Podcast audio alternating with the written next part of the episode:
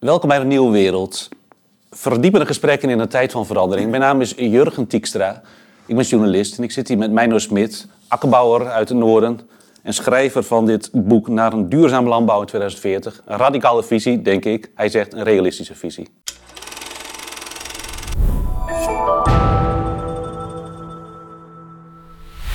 Meino Smit, fijn dat je er bent. Om te spreken over je boek is gebaseerd op een proefschrift van een aantal jaren geleden aan de Wageningen Universiteit. Ja. Maar je bent zelf ook akkerbouwer. Je Ja. hebt een tijd in het waterschapsbestuur gezeten in het noorden. Je hebt een heel verleden achter je. Eh, je hebt ook nog gewerkt bij adviesbureaus. Bij wat voor bureaus heb je gewerkt? Twijnstra Gudde grond mee. Twinstra, Twijnstra Twijn- Gudde, wat is dat ook weer voor bureau? Dat is een organisatieadviesbureau. Ja. Maar je dacht, eh, toen je twintig jaar geleden zelf akkerbouwer werd, eh er moet iets gaan veranderen eigenlijk. En daar gaan we het over hebben. Eh, want je hebt nog hele, hele bijzondere ideeën daarover. Even eh, om, om- te beginnen met akkerbouw, maar wat voor bedrijf heb je precies daar bij de Drentse A in het noorden? Nou, een bedrijf met, eh, met granen, aardappels eh, en een stukje volle gronds tuinbouw. En ook wat fruitteelt. En ook een, eh, een plukbos of zo? Of wat En nou ja, zoiets. Ja. ja. En het is biologisch. Het is allemaal biologisch, ja. En sinds, dus sinds eind jaren negentig heb je dat? Ja. Halverwege de jaren negentig ben ik daarmee begonnen. Ja. Ja. En ik begreep trouwens dat eh, toen eh Christian van der Wal, eh, minister van Natuur en Stikstof, een kaartje bekend maakte dat jij daar ook weg moest. Ja, maar, als biologische akkerbouw. ja. maar het kaartje was natuurlijk zo grofmazig. Maar als je, de- als je er nauwkeurig naar keek, ja, dan kreeg je het idee, ik moet ook weg. Ja. Dus dat gaf wel aan hoe ongenuanceerd het kaartje was. Ja. Nou, over de stikstof gaan we straks ook nog wel hebben. Maar eerst even, kijk, eh, een belangrijke boodschap van je boek is eigenlijk die geprezen Nederlandse landbouw, geprezen om zijn efficiëntie, is zo efficiënt niet. En dan heb je vooral over hoeveel energie erin gaat en hoeveel energie er weer Ja. uitkomt. En dan ga ik even een column lezen, voorlezen, een stukje van Louise Fresco, landbouwkundige. Tot voor kort ook bestuursvoorzitter van de Wageningen Universiteit. Die heeft een NRC-column. En daar schrijft ze, eh, naar aanleiding van de negatieve imago dat boeren krijgen in de laatste tijd.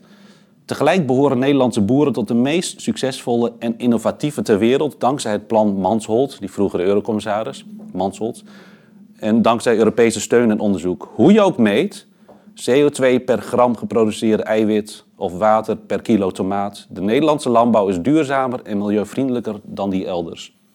En de tragiek, en ik gebruik dit woord niet lichtvaardig, is dat de Nederlandse consumenten, die gedurende diezelfde decennia hebben geprofiteerd van lage voedselprijzen en een ongekende diversiteit aan producten, zich tegen de landbouw hebben gekeerd. En dit idee noem jij een mythe, dat de Nederlandse landbouw zo Nou, vooraanstaand is? De Nederlandse landbouw is wel heel vooraanstaand in de zin van eh hoogtechnologisch. En de kennis in Nederland over de landbouw is ook eh, wel vooraanstaand in de wereld. Hè, de Wageningen Universiteit is denk ik wel toonaangevend op landbouwgebied. Ja. Dus qua kennis eh, onderschrijf ik wel wat Louise Fresco zegt. Alleen in de praktijk eh, van onze Nederlandse landbouw zie je dat een aantal dingen niet meegerekend worden. En dat zijn de indirecte componenten. Dus het indirecte energiegebruik en het landgebruik elders op de wereld. En ook de arbeid elders. Dus voor elke, elke arbeidskracht in de Nederlandse landbouw zijn twee arbeidskrachten nodig in de toeleverende keten. Dus als je praat over een hoge arbeidsproductiviteit, is dat wel zo als je naar de directe componenten kijkt. Maar als je naar het geheel kijkt, dan valt het nogal tegen. En het geldt ook voor landgebruik. Voor elke hectare landbouwgrond in Nederland zijn twee hectares nodig in de toeleverende keten. En dat betekent dat je in plaats van die hoge opbrengsten per één hectare eigenlijk moet zeggen, je moet het door drie hectare delen. Want je gebruikt drie hectare. Alleen die twee hectare zitten niet in Nederland, maar elders. Ja, want jij bent ook op eh, sojaplantages in Zuid-Amerika Ja. geweest, toch? Ja. Dus daar heb je het over, de, de, de- Ja. het veevoer dat ja, via de, veevoer, maar ook, voor de haven van Rotterdam. maar ook natuurlijk een hele eh, infrastructuur. Er zijn aparte spoorlijnen en wegen om soja te vervoeren. Havenfaciliteiten, zowel in Zuid-Amerika als in eh, Nederland. En dat is ook allemaal ruimte. Het is allemaal landgebruik. Het neemt allemaal ruimte in beslag. En natuurlijk een hele scheepvaart, hele transportwereld met bijbehorende infrastructuur. Ja, Het is niet alleen de vrachtauto, maar ook de weg die ervoor gemaakt is. Hè? ja. Dus ik heb ook een deel van de infrastructuur toegerekend aan de landbouw. Ja, want je hebt heel veel cijfers verzameld Ja. om uiteindelijk een realistisch, eh, Ja. om in jouw woorden te blijven, praat- eh, plaatje te krijgen. Ja, het- realistisch in die zin dat ik schat dat ik van de hele input van de landbouw ongeveer 70% heb kunnen achterhalen. Dat betekent dat in werkelijkheid de, de, de efficiëntie dus lager is dan ik heb aangegeven.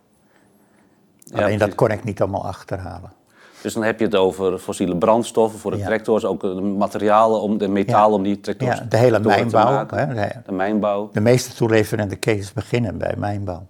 Dus dat betekent het vergraven van, van grote gebieden. En ook eh, ja, grote bassins met chemisch afval, want die mm, ersen die moeten ontsloten worden. En dat gebeurt meestal chemisch, met chemische middelen. Ja, ja. Dus dat heb ik allemaal ingecalculeerd. En wat is dan je conclusie? Het is minder efficiënt, de Nederlandse landbouw. Het is minder efficiënt als je het vertaalt in energie.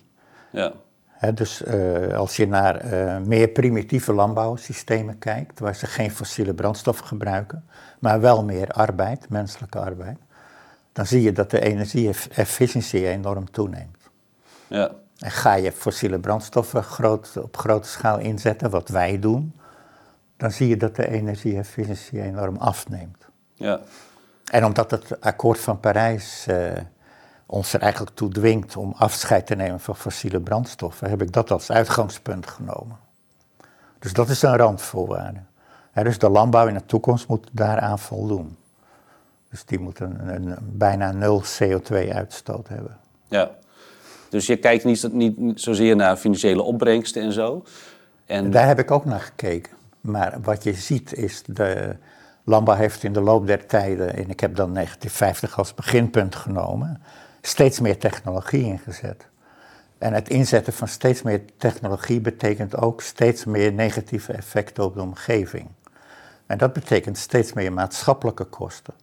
Dus ik heb er ook economisch naar gekeken. Alleen die maatschappelijke kosten worden niet bij de landbouw in rekening gebracht. wat voor negatieve effecten bedoel je dan van de landbouw? Bijvoorbeeld eh, het feit dat drinkwaterbedrijven moeten investeren in filters om bestrijdingsmiddelen uit het water te halen. Maar ook het ruimen van vee, eh, allerlei dierziektebestrijding. Eh, en natuurlijk de milieuvervuiling in zijn algemeenheid. Hè? Dus stof, luchtvervuiling, watervervuiling. Ja, En dat zijn dus allemaal kosten die niet in rekening worden gebracht bij de bedrijfstak zelf. nee. En als je dat wel zou doen, dan krijg je een heel ander plaatje. En dan zou je ook anders willen optimaliseren. En hoe, hoe, als je dan vergelijkt met andere, eh, of landbouw in andere landen of andere werelddelen, die hebben ook kunstmest nodig. Die hebben ook tractoren en zware eh, landbouwmachines nodig. Dus de- dan, dan heb je hetzelfde eh, externe effect, dat, dat zij ook veel Ja. energie nodig hebben en veel toeleveren. Ja. Dus hoe kan je dat eigenlijk vergelijken? Iedereen zit met dit probleem. Ja, het is inderdaad een probleem op wereldschaal, maar vergeet niet dat eh, een groot deel van onze wereldvoedselproductie wordt nog geproduceerd in hele kleinschalige landbouwsystemen. Dat is nog steeds eh, de bulk van de landbouwproductie. Alleen als je naar de west, eh, westerse landen kijkt, dan zie je inderdaad dezelfde tendens. Dus ook een afname van de energie-efficiëntie. Ja, ja. Dus, ehm, maar de- het probleem is dus, er is heel veel e- energie nodig. Die halen we uit fossiele brandstoffen Ja. grotendeels. Om al die soja te vervoeren. Ja. Om kunstmest eh, te creëren met aardgas. Zoals het wordt ook in, op eh, chemiepark Gemelot in Zuid-Limburg. Of in Lim- Noord-Limburg, eh En in Zuid-Vlaanderen. Zeeuws-Vlaanderen. Ja. Geproduceerd. En om, om de, eh, de, de machines te maken en die te gebruiken. Wat is daar het grote probleem van? Dat je daar zoveel energie voor nodig hebt. En dat moet overzetten op hernieuwbare energie. Nou ja, dat dat niet kan. Hè. Hernieuwbare energie, dat heeft een lagere energiedichtheid. Dus er is per eenheid eh, op te wekken energie veel meer materiaal nodig. En als je naar het huidige wereldenergiegebruik kijkt, kan dat gewoon niet met eh, zeg maar hernieuwbare energie. Ja, Dat is qua materiaalvoorraad niet mogelijk. ja. Dus we moeten terug in het eh, totale energiegebruik. En het energie wat we dan nog wel nodig hebben, moeten we inderdaad zoveel mogelijk opwekken met eh, hernieuwbare energie. terug van, in het he- energiegebruik voor de landbouw. Nou ja, maar in de hele maatschappij. Ja, We hebben het vandaag over de landbouw, maar het- ja, dat verdrag van Parijs geldt natuurlijk voor de hele economie. ja. Maar je zegt van, we hebben dat, dat- kijk, voor zonnepanelen, eh, windturbines en batterijen heb je heel veel metalen nodig. Ja. En daar moet heel veel mijnbouw voor gepleegd worden. En daar heb ik eerder hier ook gesprek over gehad met René Klein van de Universiteit Leiden. En dan zeg jij, eh, en dat viel mij wel op aan het begin van je boek, dat pak ik er even bij, heb ik eh, opgeschreven. Iets wat mij wel erg verbaasde, want je schrijft dan al snel... als we het huidige energieverbruik in de wereld volledig willen baseren op hernieuwbare energie... vergt dat meer grondstoffen dan er op aarde voorradig zijn. Ja. En, dat, dat, eh, en dan zeg je vervolgens, dit betekent dat de energietransitie voor het grootste deel moet bestaan uit energiebesparing. Ja. Daarbij moeten we denken aan een reductie van het huidige energiegebruik met ongeveer 90 procent. Ja. Nou, ja, dat verbaasde mij nogal, want ik, ik, eh, ik wist niet precies waar je dat nou vandaan hebt. Daar kun je straks iets over zeggen. Maar ik heb nog ge- gevraagd aan eh, hoogleraar energie-economie van de Rijksuniversiteit Groningen, Machiel Mulder, of hij daar ooit van had gehoord. En dan zegt hij tegen mij, ik heb deze stelling nog niet eerder gehoord. Wel dat energiebesparing onontbeerlijk is om een emissiedoel van zero te halen. Maar dat is omdat hernieuwbaar onvoldoende snel kan groeien. Ja. En vraag hem dus maar om de bronnen. Ja. En ik heb nog René Klein, waar ik het over net had, die is eh, industrieel ecoloog aan de Universiteit Leiden, ook hoogleraar nu. Die zegt eh, daarover, want ik vroeg, hey, ken jij dit, eh, dit, dit, deze uitspraak? En weet je, of andere wetenschappers het ook zeggen. Dan zegt hij, de enige, die, enige serieuze persoon die die uitspraak in deze richting doet, en die ik ken, is Simon Michaud van het Finse Geological Survey. Maar dat is wel echt een minderheidsstandpunt, om zo maar te zeggen. Besparing kan je zien als de goedkoopste energiebron. Er is een heel mooi, nou daar stuurt hij mij een wetenschappelijk artikel, dat, dat er inderdaad over na wordt gedacht. Maar die 90%, dat heeft hij eh, nog nooit gehoord. Nee. Dus, dus eh, zij, Nou, maar wat Ja. betreft die, die eh, voorraad aan grondstoffen hè, die je daarvoor nodig heeft, hebt, daar heeft TNO een scenario voor gemaakt. Dat staat ook als bron in, het, eh, in mijn boek vermeld. En daar staat ook in dat het niet kan. Kijk, als je kijkt naar de grondstoffen die op aarde zijn, dan gaat het natuurlijk over de grondstoffen die nog enigszins economisch winbaar zijn. ja, want dat zie je in de huidige mijnbouw ook al. De ertsgehaltes nemen af. Hè, net zoals de gemakkelijk winbare olie al op is. Hè, het kost steeds meer energie om olie te winnen. Gaat het ook steeds meer energie en grondstoffen kosten om delfstoffen te winnen. Dus je kunt op kijk, eh, als je naar de totale aarde kijkt, eh, is er misschien wel voldoende. Maar het gaat natuurlijk om eh, hoeveelheden die nog economisch winbaar zijn. En 90% terug in energie, dat klinkt wel heel veel. Maar vergeet niet dat we ook nog heel veel energie verspillen. Hè, we kunnen nog steeds, eh, in Nederland loop je door winkelstraten waar de, in de winter eh, de hitte de winkel uitgeblazen wordt, want de deuren staan open. En in de zomer gebeurt het omgekeerde met de airco's. Hè, de airco staat aan, maar de deuren staan nog steeds open. Dus je, moet, eh, je kunt een heel stuk van het energiegebruik, eh, zeg maar vrij makkelijk, kun je dat terugbrengen. En 90% klinkt heel erg. Maar ik denk dat de eerste 50% vrij makkelijk is. Waar, waar baseer je dat op? Op, omdat we nog heel veel energie verspillen. Ja, maar hoeveel zou dat zijn van het geheel? Nou, het die- zijn natuurlijk niet Zijn die alleen- airco's zo belangrijk? Nee, maar het zijn natuurlijk niet alleen de winkels. Het zit overal in. We hebben ook, eh, als je naar elektronica kijkt, dat kost ook heel veel energie en grondstoffen om te maken. We hebben ook een heleboel onnodige toepassingen van elektronica. Wat bedoel je? Wat denk Nou, je? bij mij in het dorp eh, was een tijdje geleden, als je naar de bushalte ging, zat er gewoon een blaadje in de bushalte en er stonden de vertrektijden van de bus op. Ja. Nu is dat een of ander schermpje. ja. Dus dat, ja, is dat per se nodig? Nou ja, kijk, dat- soort. Ja, het, is, het klinkt een beetje als, als, als leuk gemopper in die zin van dat ik me daarin herken. Van als je de supermarkt binnenloopt, dan kun je allemaal groene producten kopen. Ja. Maar overal staan schermen te knipperen. Ja. En denk ik, ik wil die schermen überhaupt Nee. niet zien. En waar zijn ze voor nodig? En de materialen die erin zitten zijn niet goed recyclebaar waarschijnlijk. En nu gaan we naar, naar eh, supermarkten toe eh, waar geen personeel meer is. Ja. Hè, maar dan staat er in de krant en dan vermelden ze met trots. eh, je moet dus eh, je, alle producten die je pakt worden automatisch eh, verrekend. Nou, dat betekent dat er heel veel apparatuur voor nodig is. En er hangen, weet ik, honderden camera's al in, in één winkel. Ja. Om eh, de, het publiek in de gaten te houden. Ja. Ja, is dat allemaal zinnig? En het, en het geeft, die hele digitalisering geeft ook een, ja, een maatschappij waarin we de intermenselijke contacten eigenlijk er helemaal uithalen. Ja. Ja. En die zijn ook belangrijk. Dus het heeft ook een heel belangrijk maatschappelijk effect.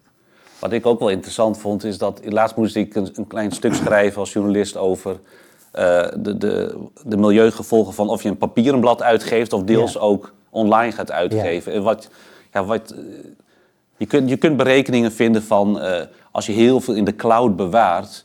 Eh, en bijvoorbeeld ook gewoon een heel PDF van, eh, weet ik veel, eh, 10 MB of zo. Op jaarbasis, dan gaat het behoorlijk veel energie kosten. Omdat Ja. het de hele tijd bewaard moet blijven. Dan is een papieren archief Ja. briljant. Ja.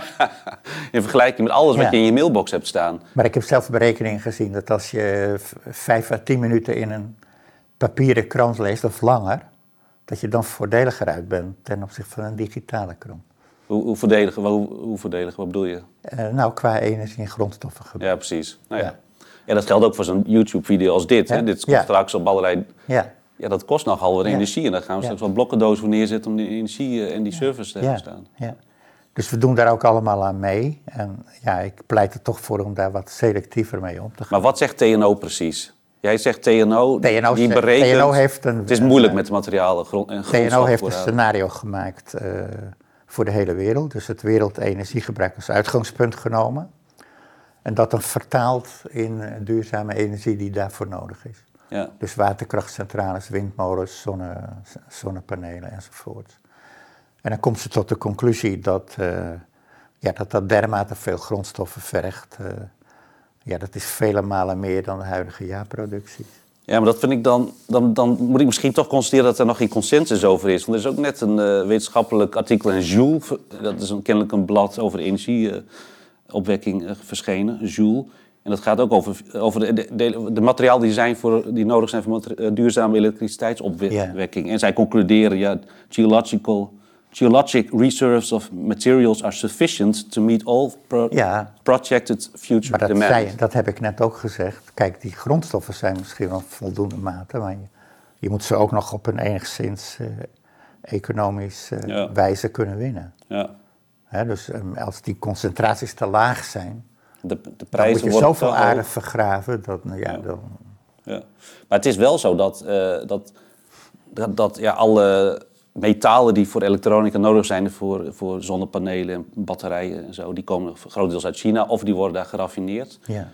En er moet nog heel veel ontdekt worden wat er te halen valt uit de, de Europese bodem. Er moet nog kennelijk nog echt in, in Ja. kaart worden gebracht. En is natuurlijk een andere ontwikkeling die ook eh, die je zou kunnen versterken als je zegt we moeten met 90% terug. Dat is natuurlijk dat men alternatieve materialen vindt. Je Ja. ziet nu al een klein beetje bij de accutechnologie. Hè, dat men eh, zeg maar minder schadelijke materialen, dat men daar ook batterijen van zou kunnen maken. Ja. Hè, die research is volop gaande. Dus ik denk dat in werkelijkheid door de technologische vooruitgang het wel enigszins verzacht zal worden. Maar het neemt niet weg dat ik toch blijf, eh, een pleidooi blijf houden voor zoveel mogelijk energie besparen. Ja. Ja, want energie besparen, dat zie je nu ook in het aardgasverbruik van het laatste jaar voor huisverwarming, is met eh 25% afgenomen. En dat is dus niet gebaseerd op eh, investeringen, want dat kan in die korte tijd niet. En dat is gebaseerd op gedrag. Dus als, je daar, als dat nou lang aanhoudt dat dat aardgas duur is, dan krijg je ook nog wel wat Ja. technologische ontwikkelingen. Dan kunnen mensen daarop investeren en dan kun je het verbruik enorm terugdringen. Ja. Ja. En dat is natuurlijk toch de trias energetica, begint bij besparen. Ja. Nou, idealiter wel, eh, natuurlijk. Ja. Maar dat heeft dus, dan heb je zo'n enorme bevolking in zo'n klein land in Nederland al, die Ja. in beweging moet krijgen. Ja. Dat blijft Maar dat blijkt een dus heel moeilijk... toch, ja, ook- maar door, door de oorlog in Oekraïne blijkt dat toch eh, zo'n prikkel toch heel snel effect te hebben. Ja, maar dan, dan zeg je, ja, er zijn veel mensen in energiearmoede die echt in kou hebben gezeten. En, eh, Ja. Het is niet een, niet een ideale, ideale Maar dat zou je op beter verdienend manier huishouden met een dikke trui aan. Je moet, ik vind dat je ten alle tijde de prikkel tot energiebesparing moet, Ja. eh, moet handhaven. Dus je moet ook de mensen die eh, in een eh, tochtig huurhuis wonen niet compenseren met, met hun energie. Want dan gaat die prikkel weg. Ook als je in een tochtig huurhuis woont, kun je nog steeds het licht op tijd uitdoen. Ja. Wat je dan juist moet doen, is zeggen tegen de eigenaren van die woningen: voor zo'n woning mag je, moet de huur verlaagd. Ja. Dan compenseer je de mensen ook. Maar je moet ten alle tijde de prikkel tot energiebesparing handhaven. Ja.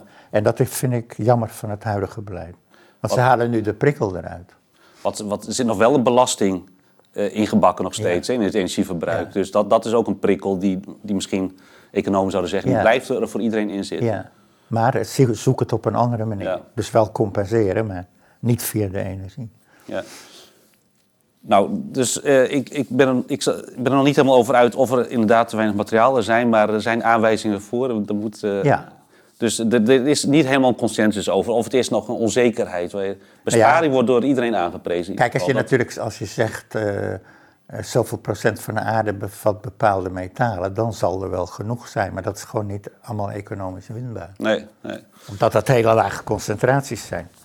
Maar wat heel interessant is ook aan je boek, is dat je, jij pleit voor veel meer eh, mensenhanden Ja. in, in de landbouw. Ja. Dus niet alles meer met, met eh, fossiele brandstoffen of, of hernieuwbare energie aangedreven machines, maar meer mensen in de landbouw. Echt 450.000 meer mensen. Ja, 470.000. 470. Hoeveel, hoeveel mensen zitten er nou in de landbouw? Ja, 150.000 ongeveer, orde van grootte. Ja. En dan zeg je, ja, de, de, de, ar- eh, de, de kosten op arbeid moeten omlaag en de kosten van, op energie moeten omhoog. Ja, nou ja, dat staat ook in het boek. De, je ziet dat als je naar ons eh, belastinginkomsten kijkt, dat bijna alle belasting wordt geheven op arbeid. Ja. En als je naar een zuiniger gebruik van energie en grondstoffen wil, zou je dat zwaarder moeten belasten. En wat gaan die 470.000 mensen doen dan? Idealiter. Die gaan op land werken. Wat doen ze dan? Ja, nou gewoon alle werkzaamheden die je op het land moet doen. Maar dan kun je, kunt er, je kunt daar ook nog wel aan allerlei varianten denken. Want een kenmerk van de landbouw is natuurlijk dat zij deel is seizoensarbeid. Ja. Ja, dus waarom stappen wij niet van ons huidige arbeidsmodel af? Waarom zeggen wij niet, eh, je kunt eh, in Nederland ook een structurele baan hebben, waarbij je bijvoorbeeld tien maanden op kantoor zit en twee maanden op land werkt? Er zijn landen, bijvoorbeeld Israël, waar het zo is. Ik heb daar zelf eh, gewerkt. En, dat, en dat, die mensen In vonden- Israël, Ja, ja. die mensen vonden, die beviel dat heel goed.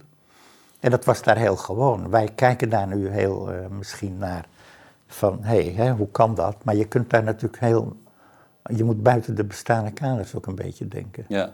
Maar dat vond ik wel grappig, want je werd geïnterviewd door Vrij Nederland. En dan vraagt eh, de interviewer van dienst... we hebben al arbeidsmarktkrapte, dus waar haal je al die mensen vandaan? En dan zeg jij... ik heb die niet bij me, maar dan zeg je... Nou, in mijn eh, perceptie kan Schiphol dicht. Ja. Dat scheelt al heel veel... eh, eh, Ja. Er komt heel veel arbeid vrij. En ruimte, waar je Ja, woningen ruimte. in kan maken. En er zijn nogal wat mensen, misschien wel een miljoen, die een bullshitbaan hebben. Ja.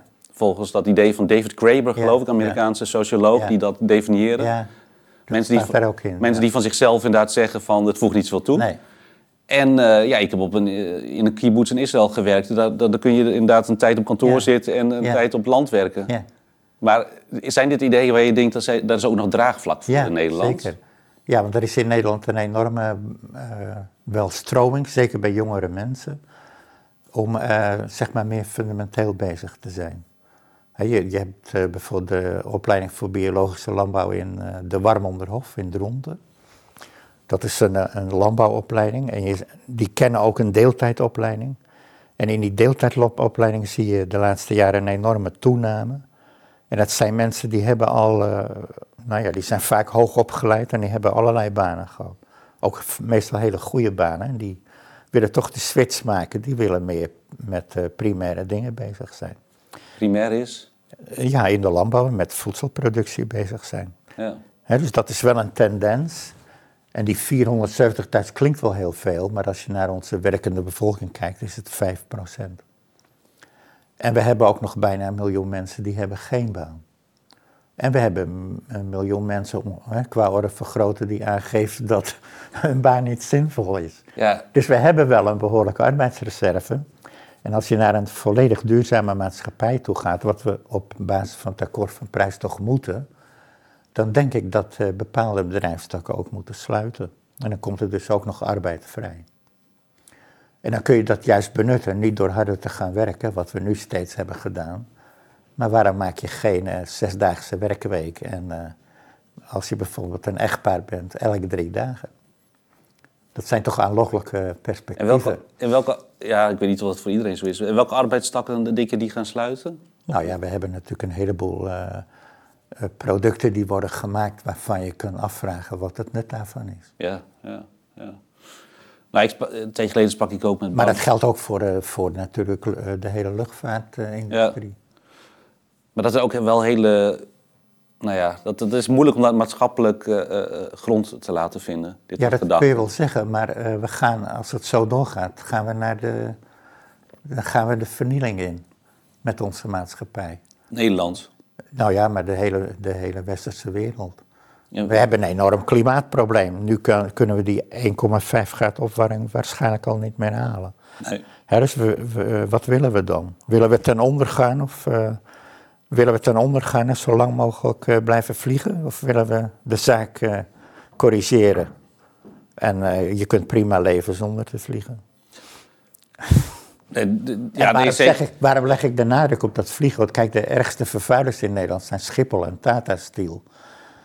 Kijk, en als boeren wijzen terecht naar Schiphol. En ze zeggen, ik moet een paar koeien minder houden, maar Schiphol, eh, dat mag gewoon. Wil je draagvlak krijgen voor, eh, voor milieumaatregelen, voor klimaatmaatregelen, dan moet je de grote vervuilers eerst aanpakken. Ja. Want dan kun je met recht zeggen, boeren, vissers, jullie moeten ook wat doen. Maar die boeren wijzen terecht naar Schiphol. Die zeggen, dat, dan moet ik een paar koeien minder. Dat is peanuts vergeleken bij wat er bij Schiphol gebeurt. Bovendien, eh, als je Schiphol zou eh, sluiten, dan eh, neemt de leefomgeving voor miljoenen mensen enorm toe. In kwaliteit. Maar, En, het neemt, en het heeft een economisch voorbeeld, voordeel. Er is een eh, maatschappelijke kostenbatenanalyse gemaakt als Schiphol zou sluiten. En dat levert dus een- alleen maar een economische baten op. wie heeft die kostenbaatanalyse gemaakt? CE Delft. CE Delft, adviesbureau. Ja. En wat voor, wat voor baten levert dat op dan? Het sluiten van Schiphol? Nou, een eh, veel betere leefomgeving voor miljoenen mensen. Ja. En eh, als je naar de, naar de maatschappelijke kosten kijkt van Schiphol, hè, die ook nog steeds geen BTW en, eh, op kerosine en zo betalen, en, dan heeft dat ook eh, behoorlijk voordeel. En die mensen die gaan vliegen, die brengen alleen maar deviezen naar het buitenland. Deviezen. Ja, Deviezen, hè, dus geld. Die gaan geld besteden in een ander land. ja, ja, precies. Maar eh, misschien kunnen we het wel even hebben, want je, je- je zegt dus eigenlijk die, die, dat boeren gingen eh, demonstreren op Schiphol. Dat vond je wel terecht. En er zijn allerlei demonstraties geweest met tractoren en al. Jij hebt zelf ook al gedemonstreerd, eh, las ik in een interview 2021 geloof ik. Ja. Van Delft liep je Ja. naar de Tweede Kamer om de petitie aan te bieden. Maar dat lopen werkt misschien niet zo goed. Nee. Als je een tractor was gaan komen aanrijden, Ja, was beter, had beter gewerkt. Ja. niet zoveel media-aandacht gehad. Nee, bijna geen media-aandacht, maar wel, we hebben het wel heel milieuvriendelijk gedaan. Ja. Ja, Nee, maar dus, dus eh, we hadden het al over dat jij op dat, dat, dat aanvankelijke kaartje van, eh, wat was het, in mei 2021 kwam dat naar buiten. En als eerste notitie van dat hele, die hele transitie van het landelijk gebied brachten ze dat kaartje naar buiten. Dat was onderdeel ervan. En ook je eigen akkerbouwerij, bouwer, bouwerij, ja, zo kun je zeggen. Misschien eh, je boerderij, die, die, die, die zat in een gevarenzone. Ja, op Hoe- dat, op dat schaal, dat, eh, de schaal van het kaartje was natuurlijk ook eh, vrij. Maar ben je ook wel even geschrokken daarvan? Van wat, wat gaat, Nee. er, wat gaat er gebeuren? nee. nee, want ik dacht als wij weg moeten, dan moet iedereen weg. Ja. en dat gebeurt niet. Maar jullie hebben weinig stikstofemissies Ja. die over de Drentse A uit, Ja, ja, uitkomen. ja. wij hebben geen vee. hè. Nee. En we gebruiken geen kunstmest. Dus dat soort emissies hebben we niet. Maar je moet wel mest hebben. Waar Ja. haal je die vandaan dan? Van een ander biologisch bedrijf. Een melkveehouderij. Ja. En je kunt ook compost gebruiken. Ja. ja. Nou, over mest gesproken. Je, je bepleit dus eh, circulaire landbouw. Daar wil Ja. eigenlijk de regering ook wel naartoe. Minister Schouten, toen hij nog op landbouw zat, heeft Ja. er ook een notitie over eh, gepubliceerd. En nou ja, dan moet, wat, wat, ja, misschien kun je uitleggen wat circulaire landbouw nou precies is. is ja, dat, dat onderdeel daarvan is, is dat er gesloten kringloop is, Ja. dat alle voedingsstoffen ook weer terugkomen. Ja. Dus ook wat wij opeten, Ja. er komt weer van alles uit in het riool terecht. Dat moet ook weer terugkeren. En zo ging het vroeger ook wel. Dat de stadsafval ja. naar de landbouw toe ging. Of dat, Dan had je natuurlijk het systeem met tonnetjes en je had de stratendrek. Hè? ja, Dus alles wat eh, paarden in de steden op, eh, op de straat deponeerden, werd allemaal opgeschept en weer teruggebracht naar het land. ja, en- En, en in het huidige systeem eh, doen we dat niet meer. Hè, dus we, al ons eh, restanten van onze voeding en ook de menselijke mest komt allemaal in de riolering terecht. Dat gaat vervolgens naar waterzuiveringsinstallaties. En dat slip wat daaruit komt, dat wordt verbrand. Dus elke dag eh, verbranden wij grote hoeveelheden waardevolle nutriënten. En daarom hebben we ook geen eh, kringloop meer. En daardoor verarmen we ook onze bodems en onze voeding. de voeding bevat nog maar een fractie van vroeger aan nutriënten. Dus het gehalte aan voedingsstoffen in de voeding is enorm afgenomen. En willen we dat herstellen, dan moeten we die kringloop uh, herstellen, dus die nutriëntenkringloop. En dat betekent dat alles, uh, alle nutriënten terug moeten naar het land. En dat betekent niet dat we met poeptonnen nee, maar gereden moeten worden? Hoe zou je dat kunnen doen technisch dan? Nou, dat, dat heet uh, nieuwe sanitatie, is dat de vakterm. Dat betekent dat je heel decentraal weer aan in, gaat inzamelen. En decentraal moet je denken aan de schaal van een woonwijk of van een dorp. En dat zamel je dan in. Uh, in Sneek is, een, uh, is zo'n project, dat draait al een aantal jaren. Dat is zo'n woonwijk van geloof ik 400 woningen. Daar wordt met vacuümriolering gaat al die slurry naar een gebouwtje toe. En daar wordt het vergist en die slurry die kun je dan uh, op het land gebruiken. En daar zitten die waardevolle nutriënten in. En omdat het een heel decentraal systeem is, kun je dus ook verontreinigingsbronnen heel makkelijk daarbuiten houden. Want nu zitten op de riolering zitten ook industrieën. En uh, er zitten ook verzorgingshuizen op, ziekenhuizen. Dus we gooien alles door elkaar en dan proberen we helemaal aan het eind. Dit is nou echt een end of the pipe oplossing, letterlijk. Proberen we het nog schoon te maken en dat lukt niet meer. Dus dat moet je allemaal aan het begin doen. En er zijn uh, wel goede technieken voor. En verder zou je bij het toelaten van medicijnen hier ook op moeten letten. Wat zijn de effecten voor het milieu? Wordt nog niet gedaan. Er wordt niet vooraf op gecontroleerd wat die medicijnresten nee. doen.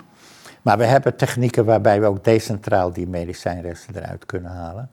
Maar nog een stap verder zou zijn om uh, bij het toelaten van medicijnen hier ook naar te, naar te, kijken. Maar als je dus dat, die, die, die menselijke ontlasting, in ieder geval wat er van overblijft, verzamelt, hoe groot is, is die infrastructuur om dat op te tuigen voor heel Nederland? Hoe groot scheep zou dat zijn? Nou, we hebben al een infrastructuur van composteerbedrijven. dus die doen eigenlijk al voor een deel wat uh, nodig is. Die maken uit bijvoorbeeld GFT-afval, groente, fruit en tuinafval, maken ze compost. En je zou eigenlijk idealiter al die stromen van organisch materiaal uh, bij elkaar moeten laten komen. En dat is nodig, want dan kun je ze opmengen en dan kun je ze ook onder een bepaalde kwaliteitsgarantie aan de landbouw leveren. Dus het, en, als je dan praat over organische reststromen, is het natuurlijk de dierlijke mest die je dan nog hebt. Want mhm. ook in mijn scenario voor een duurzame landbouw heb je nog dierlijke mest. Alleen veel minder. En ook onvoldoende om Nederlandse landbouwgrond te bemesten. Maar je hebt daarnaast dat dus uh, alle, alle organische afval uit huishoudens en uit bedrijven en uit natuurgebieden. Je hebt baggerspecie, waar ook heel veel waardevolle elementen in zitten. Wat zit daarin?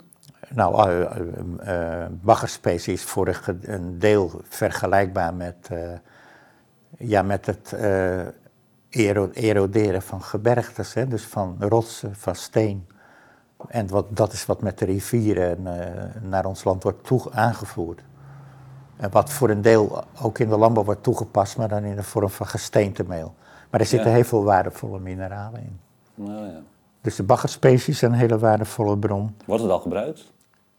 Uh, een deel. Ja. Maar baggerspecie is natuurlijk ook voor nu voor een deel verontreinigd. En ik ga ervan uit dat uh, als we naar een duurzame maatschappij gaan, dat al die bronnen dan ook den duur ook schoner worden. Maar goed, ik heb in mijn berekeningen alleen rekening gehouden met uh, het, duur, of het uh, schone baggerslip. Ja. Dus je hebt baggerslip, je hebt alle andere reststromen van organisch materiaal en je hebt datgene wat nu nog in de riolering verdwijnt. Maar dat vereist dus een heel andere inzamelstructuur ja. en een andere organisatie. En dat betekent eigenlijk dat die huidige organisatie van riolering en waterzuivering, dat dat eigenlijk uh, op moet gaan in zo'n nieuw systeem. Ja. Dat betekent ook ja, dat is, uh, waterzuivering is nu de helft van de taken van de waterschappen. Dus dat betekent nogal wat. Maar ik denk dat je moet aanhaken bij de infrastructuur van de composteerbedrijven. dat dat de kortste klap is. Wat zou dat betekenen voor het gebruik van kunstmest en dierlijke mest? Nou, in mijn scenario voor duurzame landbouw kun je dan voldoende, de landbouwgrond voldoende bemesten. En dan heb je dus geen uh, kunstmest meer nodig. En dat betekent een, weer een enorme aardgasbesparing. Ja maar ook een beperking van de emissie van stikstof. ja, die, die vrijkomt als je het op het land Ja. eh, gebruikt, Ja. bedoel je? Ja. En ehm, En het betekent als je het met vacuümriolering doet, zoals in Sneek, dat je nog een derde op je drinkwater bespaart. Hè? Want wij spoelen nu hoogwaardig drinkwater voor een derde gedeelte door het toilet. ja, ja. Dus het heeft financieel gezien ook wel wat voordelen. Maar goed, die nieuwe infrastructuur kost natuurlijk ook weer geld. Maar goed, de bestaande infrastructuur kost ook heel veel geld. Hoe, eh, als, het, als het gaat over de prijs van voedsel, die we laag. Die we, eigenlijk is het altijd een stimulans geweest vanuit de overheid, begrijp ik, om de voedselprijs heel laag te Ja. houden. En ik sprak een tijdje geleden met eh, Herman Wijfels, die eh, zelf ook op boerderij is opgegroeid. En die was eh, bestuursvoorzitter van de Rabobank en is een CDA-lid. En heeft allerlei rapporten over mest geschreven, over de mestproblematiek al. En dus hij, hij is heel interessant in zijn levensloop, want hij heeft ook op het ministerie van Landbouw gewerkt. En heeft ge- ge- gewerkt aan het goedkope voedsel en het exporteren. Ja. En hij vertelde van, na de oorlog wilden we industrialiseren. En omdat, volgens mij moesten de lonen daarvoor laag blijven. En, en om, om dat ook te, houdbaar te, te maken, moesten de voedselprijzen weer laag blijven. En daar is op gestuurd om de voedselprijzen laag te houden. Daar zijn Ja. we aan gewend geraakt. Wat gaan die prijzen doen als we allemaal die biologische landbouw krijgen... waar ook een stimulans vanuit Brussel eh, Ja. op zit? Maar toen we daarmee begonnen, toen was de landbouw nog. Als je weer naar het energetisch eh, rendement kijkt, was het toen nog eh, veel beter dan nu. Het was eh, efficiënter qua energiegebruik dan nu. Dus toen ging dat misschien wel op, maar je, omdat we steeds meer technologie hebben ingezet, zijn die maatschappelijke kosten van de landbouw ook enorm toegenomen. En dat zit niet in de voedselprijzen, maar dat zit wel in de algemene middelen. En voor een deel wentelen we dat af op de toekomst. Dus in de algemene middelen, dus ook wat de overheid uitgeeft... vanuit dus, dus wat is, van eh, ja, dus wat is goedkoop voedsel? Ja. Als je die eh 20 miljard erbij op zou tellen. We geven nu ongeveer 50 miljard per jaar uit aan eh, voedings- en genotmiddelen. Ja, dan wordt het toch een behoorlijk stuk duurder. Dus dan, dan zou de voedselprijs stijgen, maar de overheid heeft meer middelen over. Ja. Je hoeft minder te schade. Maar je zou kunnen zeggen, als de landbouw duurzamer wordt, nemen die maatschappelijke kosten af. Dus hoe zou je dat economisch dan kunnen regelen dat het toch weer terugvloeit naar de, de burger? Eh, subsidies of zo voor voedsel? Of wat? Nou ja, ik denk dat de burger erbij gebaat is als de landbouw eh, verduurzaamt. Want dan kunnen die eh, maatschappelijke kosten enorm afnemen en dan is het beroep op de algemene middelen lager. En die voedselprijzen, ja, ik heb ermee gerekend dat ze ongeveer op de huidige hoogte zouden blijven. Maar op wat voor manier dan? Want de burger moet wel gecompenseerd worden in, de winkel. Als? Omdat de voedselprijzen eh, primair wel omhoog gaan. Ja, Alleen Maar alles dat- wat eromheen zit, daalt in de kosten. ja maar dat is, dat is natuurlijk een marktwerking. En ik denk dat je er ook rekening mee moet houden dat, eh, ook al zouden de voedselprijzen op zich niet stijgen, dat in een eh, lage input-economie, dus een economie die verduurzaamd is, waarbij ook een deel van de economische activiteit dus op een lager niveau eh, komt, ja, dat het aandeel van de bestedingen aan voedsel dan toeneemt van je totale inkomen. Waar gaat het geld van de burger straks niet meer naartoe dan? Nou, naar allerlei luxe, Wat voor luxe? vliegreizen, Ja. ja, en allerlei overbodige producten. Ja, maar wat, wie zegt wat overbodig is? Dat is, eh, wat, Ja, wat, wat dat- zal de burger hiervan zeggen? Nou ja, maar dat is, dat is natuurlijk toch een kwestie ook wel van marktwerking. Als je op een gegeven moment de maatschappelijke kosten van iets doorberekent echt aan de producenten, Ja. dan denk ik dat, eh, ja, dat consumenten andere afwegingen gaan maken. Ja. Ja. Want waarom moet je een wasdroger hebben als je het ook aan de lijn kan hangen? Dus, dus, en wat is ja. die, geeft die wasdroger zoveel meer eh, meerwaarde? Wij hebben geen wasdroger, nou kan prima. Ja. Dus, ja, nee, maar dat, ja, dus dan zou je ook prijsmechanismes krijgen die gedrag beïnvloeden. Wat altijd natuurlijk al wordt gedaan nu, maar op andere producten of maar andere... wat ook altijd heel goed werkt. Hè? Ja. Nee. Niets werkt zo goed als via de portemonnee. ja. En eh, de opbrengst die we dan in Nederland krijgen in jouw scenario. Hoe zit het daarmee? Je bedoelt van de landbouw. Ja. Nou, ik heb berekend dat we met zo'n verduurzaamde landbouw en met zo'n kringlooplandbouw, hè, dus ook eh, alle hè, echte kringloop sluiten, dat we dan Nederland toch kunnen voeden. Alleen met een dieet met minder dierlijke producten. En dan moet je denken aan ongeveer een derde van de huidige consumptie. van de dierlijke producten. Ja. Dus melk, vlees, eieren, ja. kaas. Ja. En waarbij we dan heel weinig import en export hebben. Dus het dieet moet wel flink veranderen Ja, van veel mensen. valt nog wel mee. We hoeven niet allemaal vegetariër te worden. Er is, blijft ruimte voor dierlijke productie. En het is ook waardevol om een deel dierlijke productie te doen, omdat je natuurlijk eh, grasland hebt, waar je geen, eh, geen andere dingen mee kan doen. En omdat je restproducten hebt uit de levensmiddelenindustrie. Ja, je bedoelt grasland, dat- kan, je hebt al de stukken Ja, land waar die niet goed vruchtbaar genoeg is voor... Nou, veengrond bijvoorbeeld, daar kun je eigenlijk alleen maar eh, gras eh, op doen, grasland. ja, En daar kun je melkvee op houden. zoals in, eh, in. Noord-Holland bijvoorbeeld, of Zuid-Holland. Zuid-Holland met name, ja. Ja, ja. Ik zag ook nog achter in je boek zoiets staan van afschaling van huisdieren. Ja, Je bedoelt de kat en de hond thuis en de Ja, cavia? Wat, wat moet daarmee gebeuren? Nou, de, om het, onze huisdieren te voeden is 800.000 hectare landbouwgrond nodig. Waarvan ongeveer 700.000 eh, hectare voor honden en katten. Want honden en katten eten dierlijke producten. Er zijn natuurlijk ook huisdieren die eten plantaardige producten. Een konijn kun je gras geven, Ja, maar een kat of een hond niet. En dat is natuurlijk, als je naar die 1,8 miljoen hectare landbouwgrond kijkt die we in Nederland hebben en ruim 17 miljoen mensen, en je wilt eh, daar een kringlooplandbouw hebben, ja, dan is het onverantwoord om zo'n groot deel aan huisdieren te besteden. Die ruimte zit er ook niet in. nee. Dus dan, dat moet dan, eh, ja, dan zou je dat toch moeten uitfaseren. Hè, dus je, je mag je hond of kat wel houden, maar je moet geen nieuwe meenemen. Ja, maar dan krijgen ook de mensen de straat op. Ja, maar ik weet, ik, ik eh, merk ook dat heel veel mensen dit helemaal niet weten. Nee. Dus eh, in gedrag ook helemaal geen rekening mee houden. Dus ik denk als dat eh, algemeen bekend is, dat een deel van de mensen daar de redelijkheid wel van inziet. Ja, ja. Wat ik wel, eh, ik raak nu allemaal kleine puntjes nog aan in je boek die wel interessant zijn. Wat ik ook wel, wel boeiend vind is de kritiek die op natuurmonumenten wordt gegeven. Dus dat is een, grote, een van de grootste terreinbeheerders in Nederland, een natuurorganisatie. Ik sprak eh, gisteren met iemand van MOB, die milieugroep van Johan Vollenbroek, met Victor Wusten, die is jurist. Die is eigenlijk ook helemaal niet eh, positief over natuurmonumenten. Je hebt een boek van de roofvogelkenner Rob Belsma, die, waarin Ja. die ageert tegen natuurbeheer van Ja. onder andere natuurmonumenten. Ja, En eh, vooral dat er zoveel met, met grote machines ook van alles overhoop wordt gehaald om nieuwe natuur te creëren. En jij bent er zelf ook niet eens zo enthousiast over. nee. Wat, wat, wat is er mis met natuurmonumenten? Ik dacht dat is een mooie club. Enorm veel donateurs. Dat dacht ik ook. Maar eh, kijk, die, eh, die organisaties zijn natuurlijk ontstaan in reactie op de landbouw. De landbouw die ging, eh, was vroeger heel milieuvriendelijk, maar die ging, op een gegeven moment werden die effecten op de omgeving werden nadelig. En toen probeerden zij nog terreinen te redden. Nou, Ja. dat is prima. Zo begin 20e eeuw Ja. ongeveer. Hè? Ja. Dus dat is heel goed dat ze dat hebben gedaan.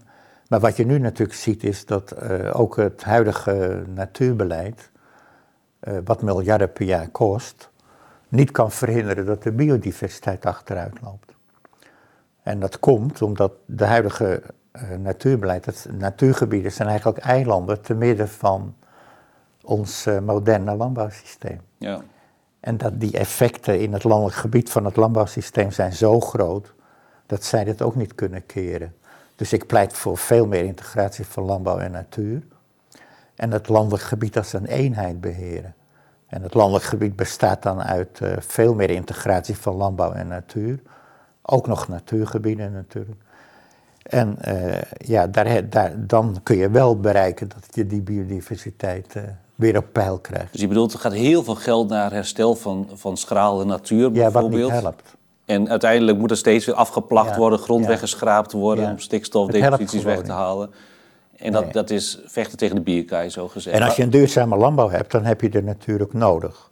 Hè, want je moet, eh, net zoals een oud cultuurlandschap, dat je heel veel natuurlijke elementen in het landbouwgebied. Wat voor natuurlijke elementen? Houtwallen, poelen, sloten. Dus veel meer eh, variatie had je.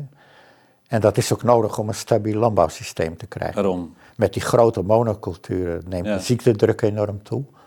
Hè, word je dus kwetsbaar voor eh, aantasting door allerlei ziektes. En uh, nou ja, dan moet je daar weer uh, bestrijdingsmiddelen voor gebruiken. Ja, die monoculturen zou je een, meer wisseling van teelt kunnen krijgen. Maar al die, die, die kleine hoekjes en houtwallen die er vroeger waren, wat heb je daar dan aan nou, voor de dat voegt robuustheid? enorm, voegt enorm veel toe aan de biodiversiteit. Wat bedoel, je, wat bedoel je dan met biodiversiteit? Want het oude landbouwsysteem werkt verrijkend op de biodiversiteit. Ja. Wat bedoel je? Dus de insecten die daar kunnen leven, Ja, in die hoekjes? ja. Je biedt eh, allerlei schuilhoeken voor vogels en het insecten en het hele flora en fauna. Ja, dus, en die diversiteit die kun je ook heel goed inzetten in, eh, in de landbouw. De Wageningen Universiteit heeft in Flevoland eh, doet proeven met agro-ecologische landbouw. Dus dat is de natuur geïntegreerd in de landbouw. En dan hebben ze een gangbaar systeem en een biologisch systeem. Dus dan hebben ze gewoon op die grote kavel in de Flevopolder ook weer houtwallen geplant. En dan zoeken ze uit hoe ver het uit elkaar moet staan en zo. En welke gewassen je naast elkaar moet doen en welke niet. Heel interessant onderzoek. En daar komt ook in dat gangbare systeem uit dat ze eigenlijk bijna niet meer hoeven te spuiten. Dus dat systeem wordt op zich dan zo stabiel dat dat niet meer nodig is.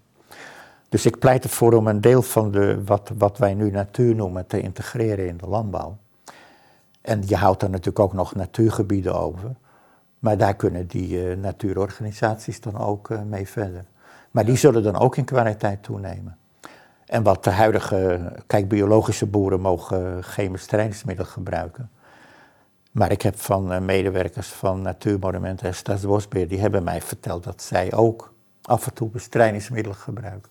Nou, chemische of biologische? Dat, nee, chemische. Ja. En dat past niet bij hun doelstelling, vind ik zelf. Nee. Nee. Dus we moeten, we moeten nu afronden, maar we hebben een heel goed beeld gekregen van jouw realistische visie. Die ook radicaal, of tenminste ingrijpende kanten heeft. Maar je zegt, wat je ook nog zegt, uh, je pleit niet voor onteigening, waar, waar nee. de regering mee dreigt nee, straks, absoluut. dit komende jaar. Nee. Je wil eigenlijk dat de, bes, de, de landbouwgrond een beschermde status krijgt, ja. omdat we niks moeten verliezen aan landbouwgrond. Nee. Um, en je bent dus ook wel kritisch op zo'n natuurorganisaties, natuurmonumenten, die steeds die, uh, die stikstofdeposities afgeraafd om die schrale ja. gebieden, uh, ja. die, die, die zandgronden. Dat geeft ook allemaal weer CO2. Ja, al die machines die Ja. daar bezig zijn. Ben je überhaupt wel fan van de schrale gronden? Uh, ik bedoel, dus ja, wat heb je allemaal? Dus de zandverstuivingen, heides. Ja. Vind je wel dat die heel belangrijk zijn? Waar, om die, Nou, die zijn wel belangrijk om daar een deel van te behouden. Maar ook heide is geen natuurlandschap, hè? dat is een cultuurlandschap. Ja, Heide bestaat van nature niet. omdat, omdat het ook zo is ontstaan ooit. Het is omdat ontstaan het- met die schaapskuddes en het is dus een bepaald stadium in de geschiedenis die wij dan voor sommige gebieden willen bewaren. En die nu wel... En dat Als- kan alleen maar via kunstmatig beheer. Ja, maar dat is nu wel in, in, opgeschreven en op papier staat het. Die, dat zijn typische karakteristieke Ja. landschappen die behouden moeten blijven. maar dat is en juridisch versleuteld. Ja, maar dat is dus een cultuurlandschap. Dus dan is dat ook een keuze om een Dat is een cultuurlandschap keuze, ja. Maar goed, dat- dat- daar is iets voor te zeggen. wat mooi is. Ja, Ja. ja. Nou goed, we moeten afronden. We kunnen nog lang doorpraten. Mijmer Smit, heel erg bedankt voor het gesprek. Ik hou nog even je boek op. Naar een duurzame landbouw in 2040. Een nieuw perspectief. Heel erg bedankt voor het gesprek. ja. oké.